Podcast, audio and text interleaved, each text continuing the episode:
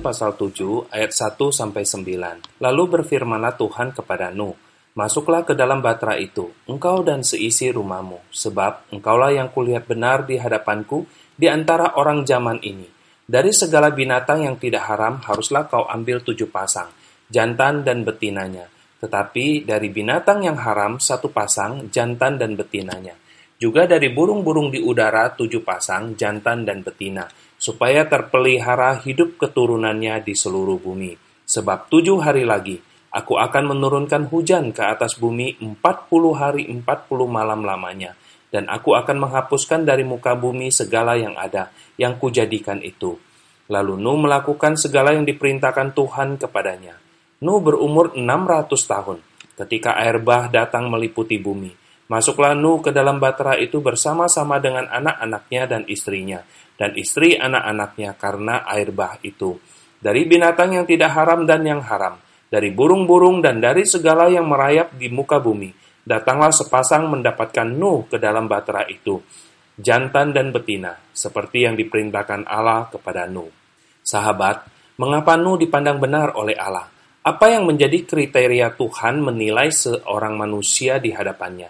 Allah memiliki otoritas penuh untuk menilai seseorang, dan penilaiannya adalah mutlak dan tidak akan pernah salah, tidak akan pernah pilih kasih, tidak akan pernah bisa disuap, dan tidak akan pernah ada yang namanya tidak enak hati atau takut dalam menentukan penilaiannya.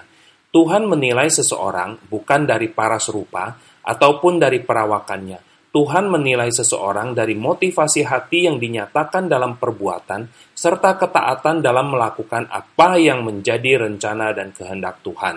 Ketika Tuhan merencanakan dan menghendaki Nuh untuk membuat batera dan memberikan kepada dia daftar apa dan siapa saja yang layak dan diizinkan masuk dalam batra, Alkitab mencatat, lalu Nuh melakukan segala yang diperintahkan Tuhan kepadanya. Ketaatan dalam melakukan apa yang menjadi perintah Tuhan menjadi kriteria utama seseorang dipandang benar di hadapan Tuhan.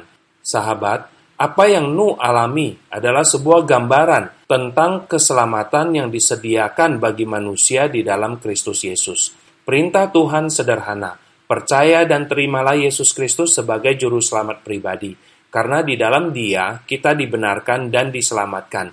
Bagaimana respon kita? Sahabat, mungkin mudah bagi kita untuk mendengar dan berkata, "Ya Tuhan, saya mau percaya dan terima Yesus sebagai juru selamat pribadi." Pertanyaannya, apakah kita sungguh menempatkan Tuhan Yesus sebagai juru selamat pribadi dalam setiap saat dan setiap bagian kehidupan kita? Sahabat, tidak ada kata terlambat. Selagi kita masih diberi kesempatan hidup, maka kesempatan untuk memperbaiki diri juga masih tersedia. Oleh karena itu, pergunakanlah waktu yang ada. I mean.